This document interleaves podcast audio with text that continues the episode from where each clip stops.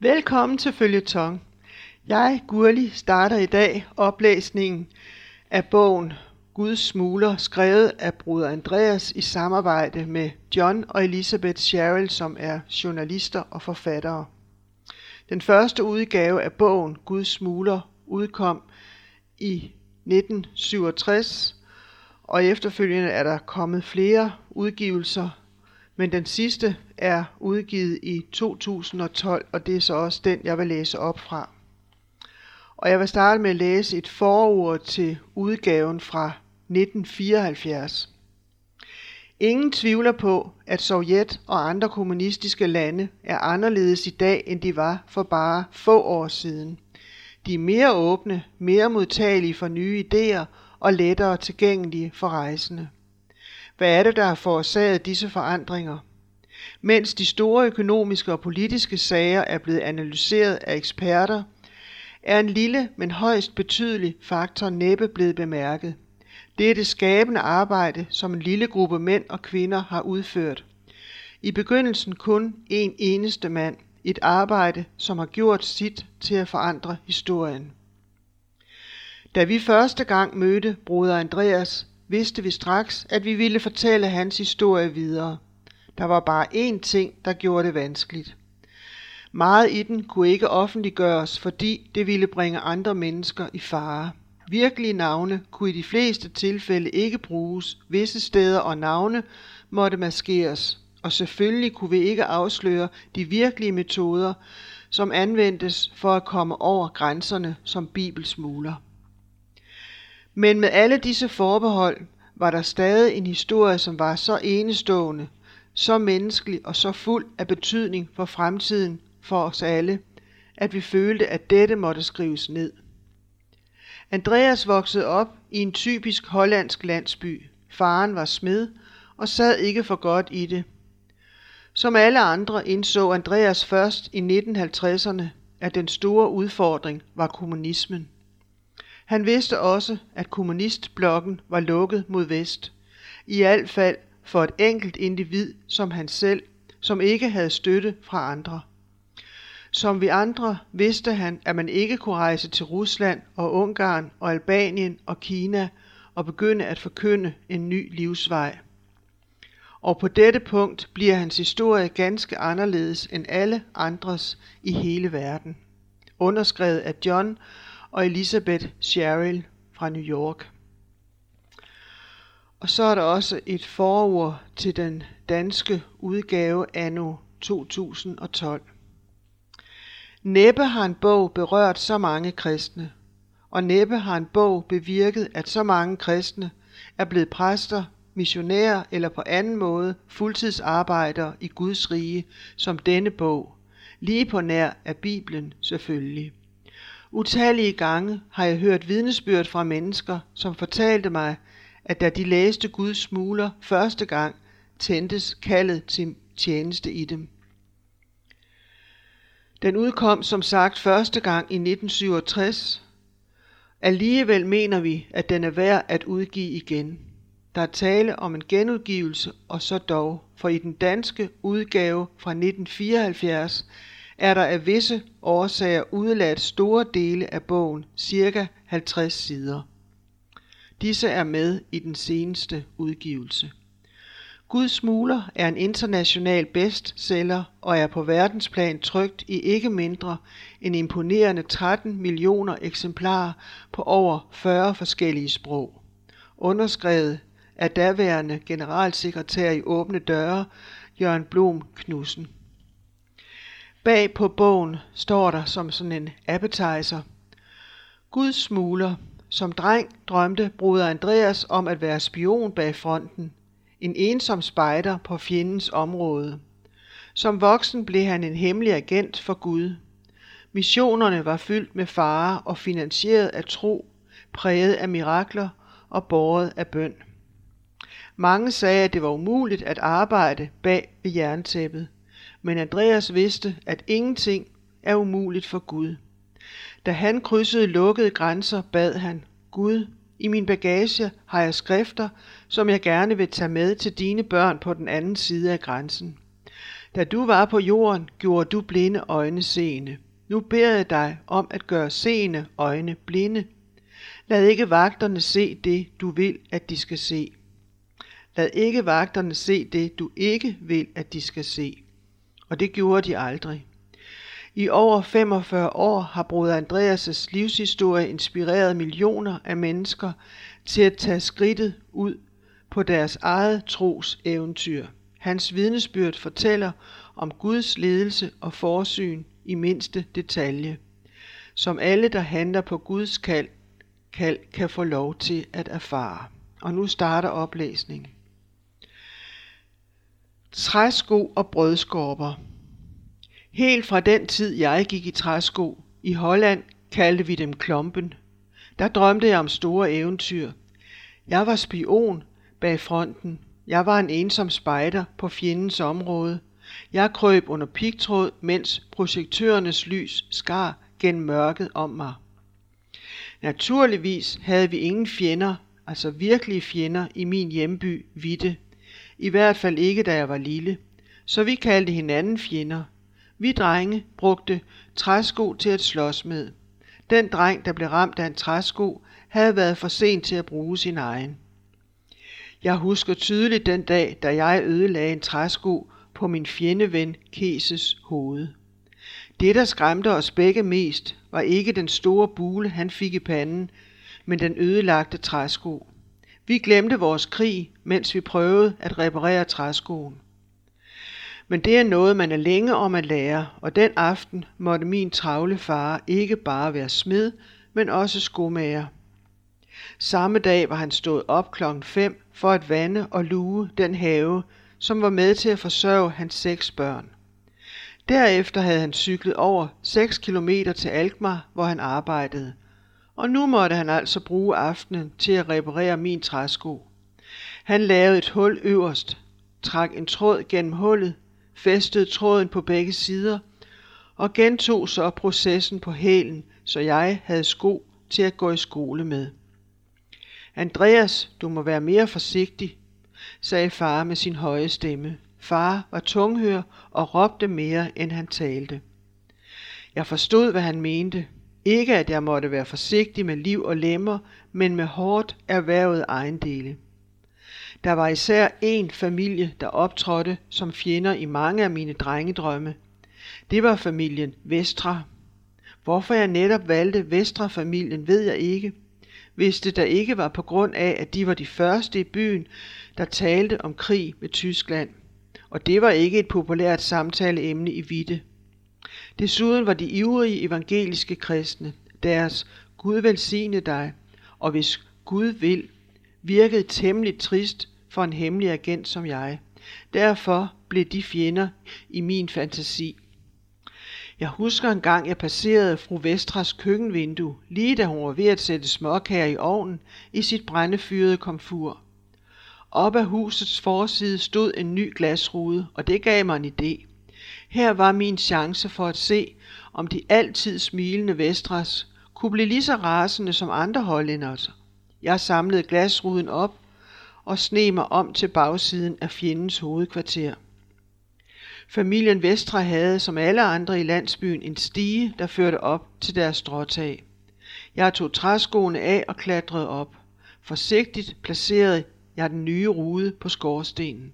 Så klatrede jeg ned ad stigen, krydsede gaden og placerede mig ude af syne bag en fiskehandlers vogn. Det gik som forventet. Røgen, der nu ikke kunne komme ud gennem skorstenen, fyldte køkkenet og begyndte at bølge ud gennem det åbne vindue. Fru Vestra løb ind i sit køkken med et skrig, åbnede ovenlågen og prøvede at vifte røgen væk med sit forklæde.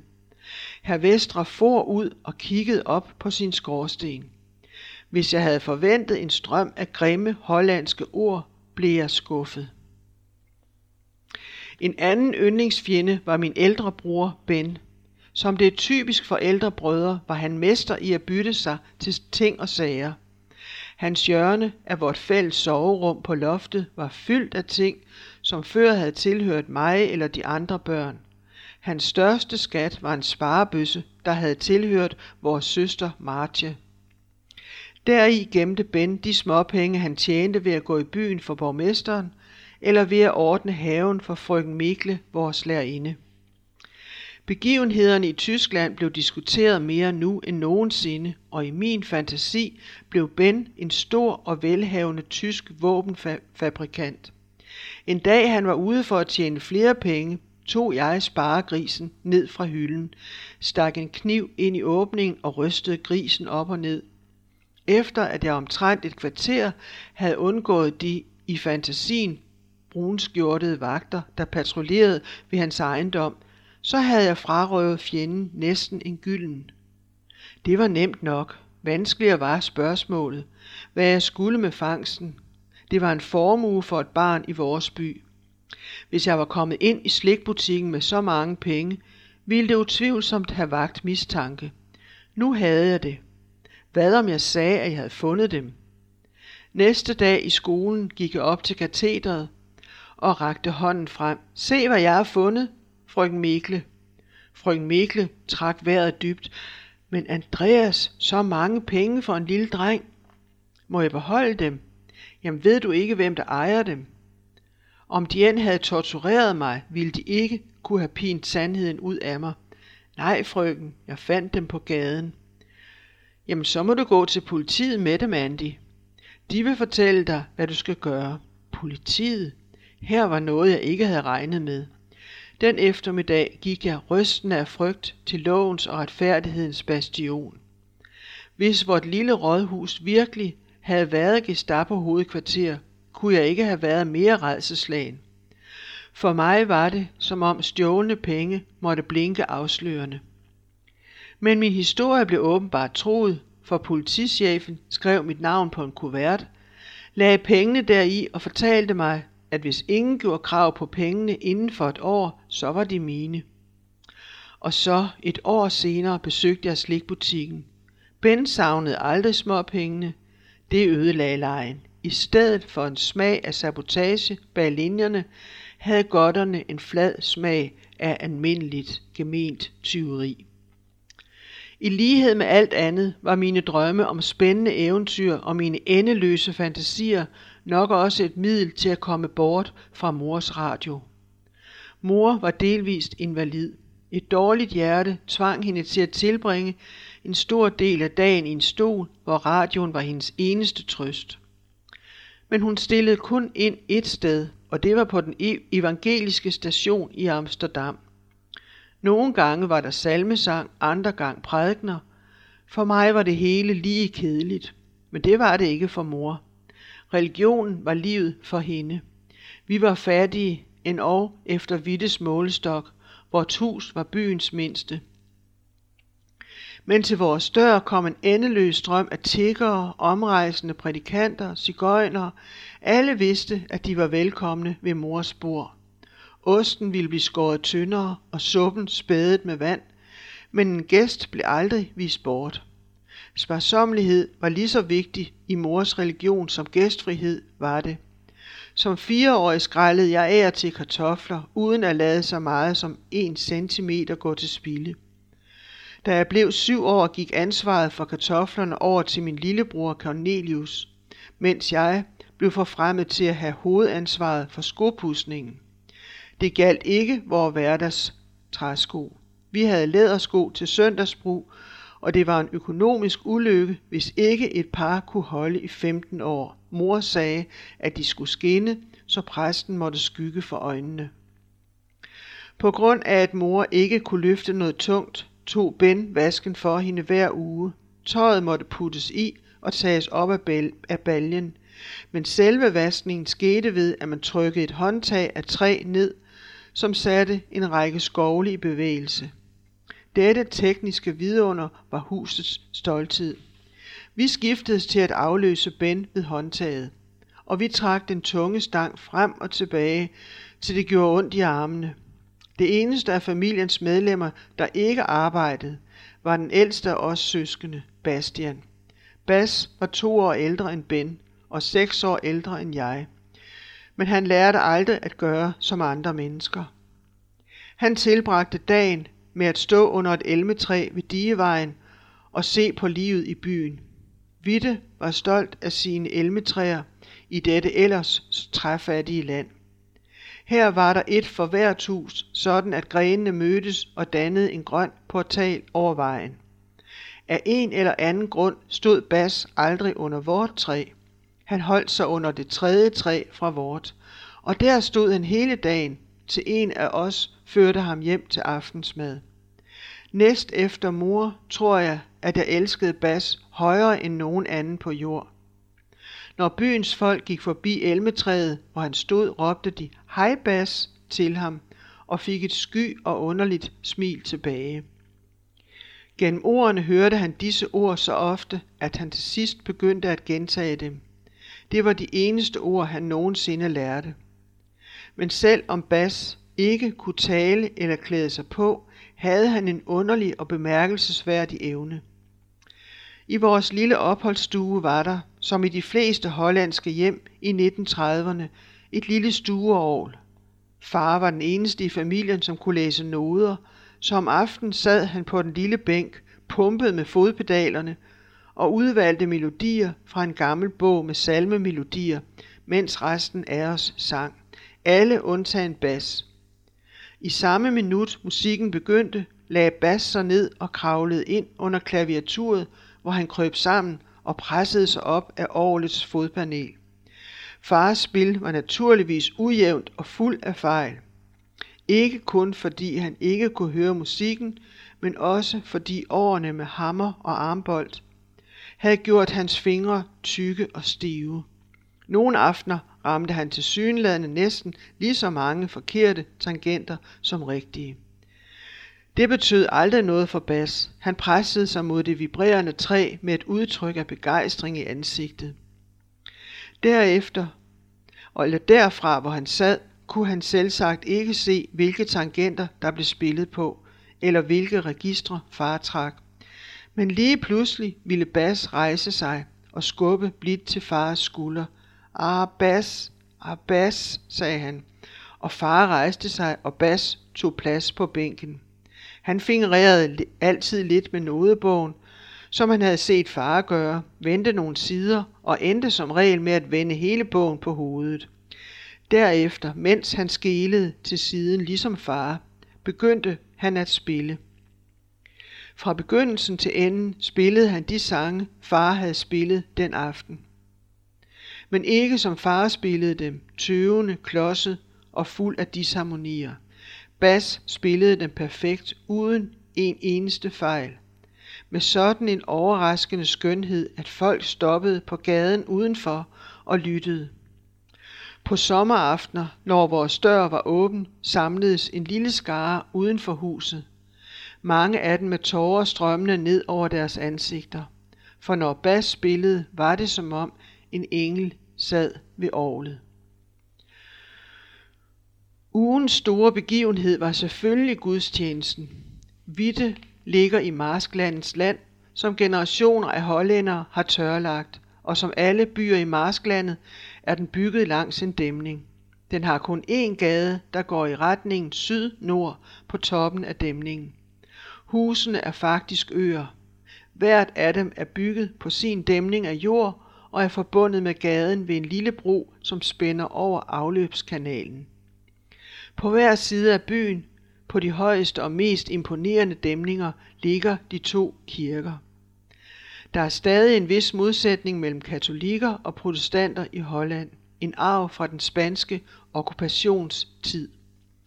I løbet af ugen mødes fiskehandleren og isenkræmmeren i byen og taler hyggeligt sammen, men om søndagen går fiskehandleren nordpå til den katolske kirke, mens isenkræmmeren og hans familie går sydpå til den protestantiske. Og når de passerer hinanden på gaden, hilser ingen af dem på den anden med så meget som et nik. Vores familie var meget stolt af sin protestantiske tradition. Jeg tror, far var glad for, at vores hus lå i den nordlige del af byen, for det gav ham anledning til gennem byen at demonstrere, at vi gik i den rigtige retning. Da far var tunghør, sad vi altid på den forreste bænk i kirken. Bænken var for kort til, at hele familien kunne få plads der. Og jeg prøvede at få det til at falde sådan, at jeg kom sidst, så at mor, far og de andre børn først gik ind. Derefter måtte jeg gå tilbage til den bagerste del af kirken for at finde en plads. Pladsen i gåseøjne, jeg fandt, var sædvanligvis langt uden for kirkedøren. Om vinteren gled jeg ned af de tøfrostende kanaler på mine træ, træsko. Om sommeren sad jeg så stille i græsset udenfor, at kraverne kom og slog sig ned på mine skuldre og hakkede mig venligt på ørerne. Som ved et slags instinkt vidste jeg nøjagtigt, når gudstjenesten var færdig, og så smøg jeg mig ind i en krog af våbenhuset netop, når de første tålmodige tilhører kom ud. Jeg stod i nærheden af præsten, som ikke en eneste gang undgik at lægge mærke til, at jeg var der, og så lyttede jeg til menighedens kommentar til præstens prædiken. På den måde fik jeg fat i teksten eller emnet, og af og til også kernen i, hvad han havde sagt. Denne manøvre var af største betydning, for uden den kunne jeg ikke have udført den vigtigste del af mit ugentlige eventyr. Det er skik i Holland, at man efter gudstjenesten samles i et eller andet privat hjem. Der kan man altid finde tre ting, kaffe, cigarer og en diskussion af prædikenen punkt for punkt. Mændene i byen havde ikke råd til disse lange, sorte cigarer mere end én gang om ugen.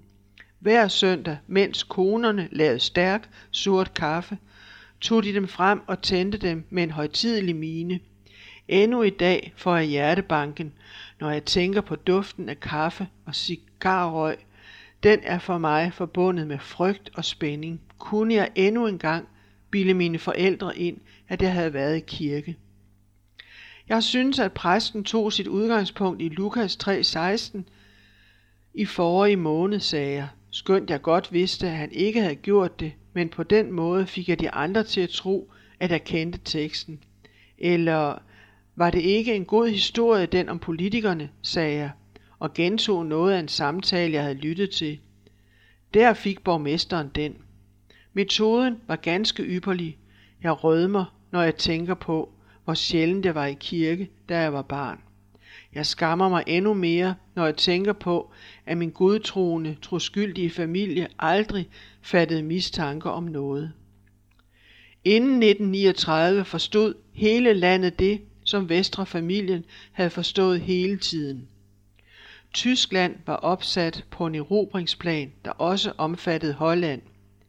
Hjemme hos os tænkte vi næppe på det. Bas var syg, doktoren kaldte det tuberkulose. Mor og far flyttede ud af deres værelse og lå på en madras i dagligstuen. I flere måneder lå Bas i deres lille soveværelse. Han hostede og han hostede, og han blev så tynd, at der til sidst kun var skin og ben i sengen. Hans lidelse var værre end den, der kan ramme et normalt menneske, fordi han ikke kunne forklare, hvad han følte. En dag lige efter, at jeg var fyldt 11 år, listede jeg mig ind i soveværelset, mens mor var travlt optaget i køkkenet. Det var strengt forbudt at gå ind i dette værelse, for sygdommen var smitsom. Men det var det, jeg ønskede. Hvis Bas skulle dø, ja, så ville jeg også dø. Jeg kastede mig over ham og kyssede ham gang på gang på munden. 1. juli 1939 døde Bas, mens jeg stadig var lige rask, og jeg følte det, som om Gud havde svigtet mig. To måneder senere, i september, gav regeringen besked om almindelig mobilisering. For en gang skyld gik mor med til, at radioen blev brugt til at høre nyheder. Vi skruede så højt op som muligt, men far kunne alligevel ikke høre noget. Lille søster Geltje stillede sig ved radioen og råbte det vigtigste til far. Alle styrker af reserven indkaldes far. Alle privatbiler er rekvireret. Da natten faldt på, var trængslen på vejene begyndt, den endeløse trængsel, der skulle blive et karakteristisk træk månederne før invasionen. Hver eneste bil i Holland var på vejen. Det så ud til, at lige så mange kørte nordpå som sydpå. Ingen vidste hvordan eller hvorhen de skulle, men de drog afsted så hurtigt de kunne. Dag efter dag stod jeg under træet, hvor Bas plejede at stå, og i agt tog det, der foregik. Ingen sagde ret meget. Det var kun Vestre, som syntes at have mod til at udtrykke i ord, hvad vi alle tænkte. Jeg kunne ikke forstå, hvorfor jeg denne tid blev draget mod Vestre-familien, men pludselig befandt jeg mig på vejen foran deres køkkenvindue. God aften, Andreas. God aften, fru Vestre. Er du ude at gå ærender for din mor? Så skal du have en kage at styrke dig på. Hun tog et fad med småkager og kom hen til vinduet med det. Vestre kiggede op fra køkkenbordet. Er det lille Andreas? Er du ude for at se mobiliseringen på nært hold? Andreas, du må bede for vort land hver aften. Vi går hårde tider i møde. Ja, herr Vestre. Hvad tror du, mænd med håndgevær kan stille op mod fly og tanks? Ingenting, herr Vestre. De vil komme her, Andreas, med deres stålhjelme, deres strækmars og had. Alt vi kan er at bede. Vestre kom hen til vinduet og lænede sig ud. Vil du bede, Andreas? Bede om, at vi må få mod til at gøre det, vi kan, og når vi har gjort det, til at stå fast. Vil du det, Andreas? Ja, herr Vestre. Du er en god dreng. Vestre trak sig tilbage. Fortsæt nu dit ærende. Men i det jeg vendte mig og begyndte at gå ned ad gaden, kaldte herr Vestre på mig. Bare spis din småkage. Jeg ved godt, at vort gamle komfur under tiden oser forfærdeligt, men det har virket godt lige siden jeg fik sat en ny rude i. Da jeg lå i min seng på loftet den aften, begyndte jeg at tænke på Vestre. Hvorfor ville han må, at jeg skulle bede? Hvad kunne det nytte? Gud hørte alligevel aldrig. Hvis tyskerne virkelig kom, så havde jeg planer om at gøre det mod dem, som var meget værre end at bede. Jeg sov og drømte om de djæve bedrifter, jeg på egen hånd skulle udrette mod angriberne. Da det blev april, var Vitte fyldt af flygtninge fra marsklandet øst for os. Holland sprængte sine dæmninger og lod med vilje vandet overskylle land, som de tomme for tomme havde fravristet havet i løbet af flere hundrede år. Dette gjorde de bare for at hindre den tyske hær i at komme hurtigt frem. I alle huse, undtagen vort, som var for lille, boede der en hjemløs familie fra det oversvømmede område, og mors suppegryde småkogte dag og nat. Men tyskerne kom alligevel. De kom naturligvis ikke af landevejen. De første flyvere fløj over Vitte natten til den 10. maj 1940. Vi tilbragte natten i dagligstuen, tæt sammenkrøbet og uden søvn. Hele næste dag så vi flyvere og hørte eksplosionerne. Da de bombede den lille militære flyveplads 4 kilometer fra os. Det var min 12-års fødselsdag, men hverken jeg eller de andre huskede det. Så bombede tyskerne Rotterdam, speakeren i Hilversum Radio, som vi havde lyttet til siden mobiliseringen, græd, da han læste meldingen op. Rotterdam var borte. På en time var en by forsvundet fra jorden. Dette var lynkrig, den ny måde at føre krig på. Næste dag kapitulerede Holland. Nogle få dage senere kom en lille tyk tysk løjtnant til Vitte i en politibil og slog sig ned i borgmesterens hus. Den håndfuld soldater, der fulgte ham, var især ældre mænd. Vitte var ikke så vigtig, at det var nødvendigt med elitetropper. Det var så alt for denne gang. På genhør.